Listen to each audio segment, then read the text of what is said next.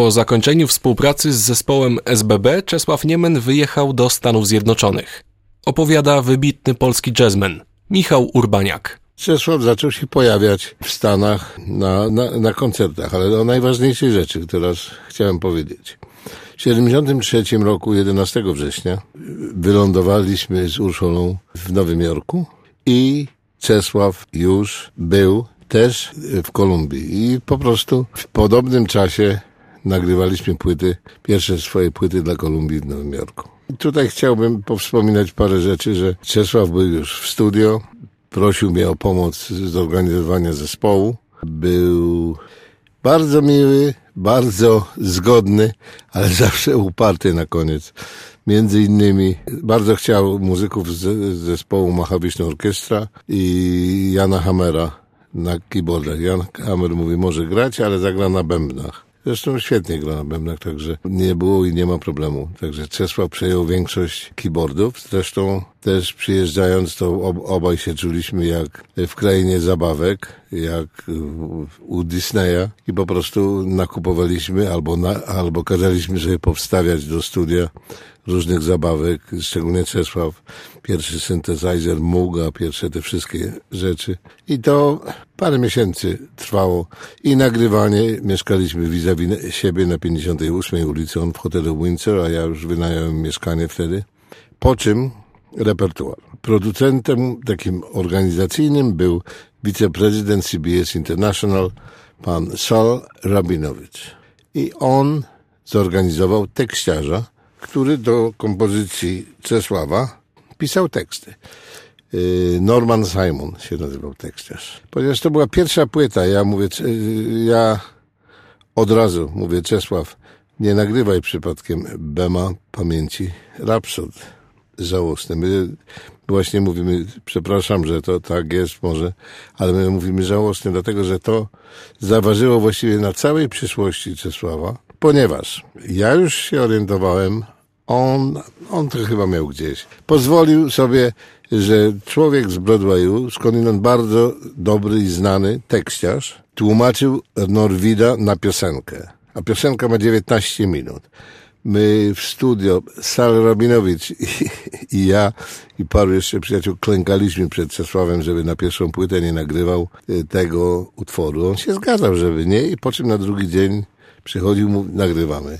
No i nagrał. Bema pamięci żałobny Rapsod w wersji angielskiej nie mógł zatem sprzedać się w Ameryce. Na pierwszą płytę, gdzie Kolumbia sprowadziła artystę ze wschodniej Europy, z żelaznej kurtyny, który miliony płyt sprzedaje za piosenki. Oni po prostu też liczyli na sukces komercjalny. To znaczy nie można w żadnym razie 19-minutowego utworu puścić. To tylko w trójce, w niektórych specyficznych radiach. W Stanach to jest niemożliwe. I po prostu to była, była prośba wielka i moim zdaniem warunek sine qua non dla jego dalszej przyszłości nagrań z Kolumbią i, i kariery. On to chyba miał tak gdzieś w pewnym sensie. W Stanach Czesław Niemen miał wyjątkową możliwość zagrania na najnowszych instrumentach. To wszystko było nowe, tego nie widzieliśmy. Czesław też nie widział, chodziliśmy po sklepach, próbowaliśmy i on to wszystko po, po prostu kupował po prostu za zaliczki, które Kolumbia mu dawała. Wręcz powiedziałbym, że w studiu uczył się grać na niektórych z nich. No. Ja bym powiedział y, po angielsku, to się nazywa exploring. No, tak, ani zabawa, ani nie nauka, tylko to, to było poszukiwanie. O.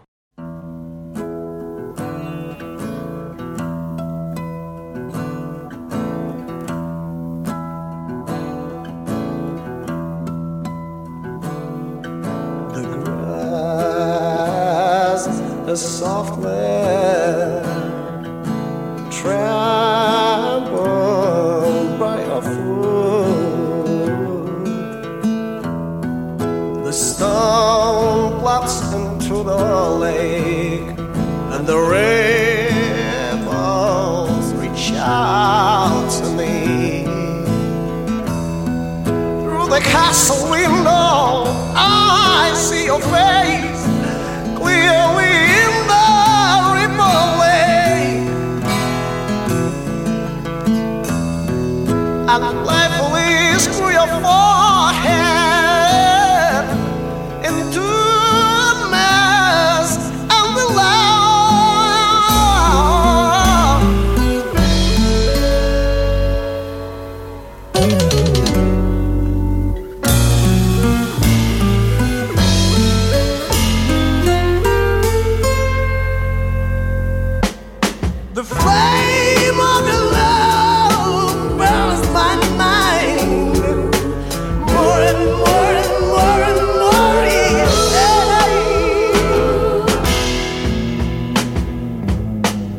the flame!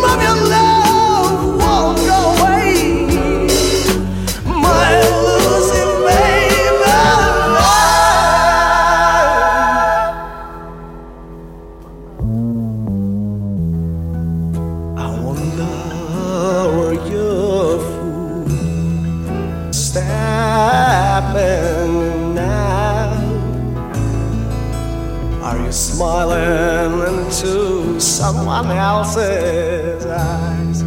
Is his love washing over you? If they all cuss us,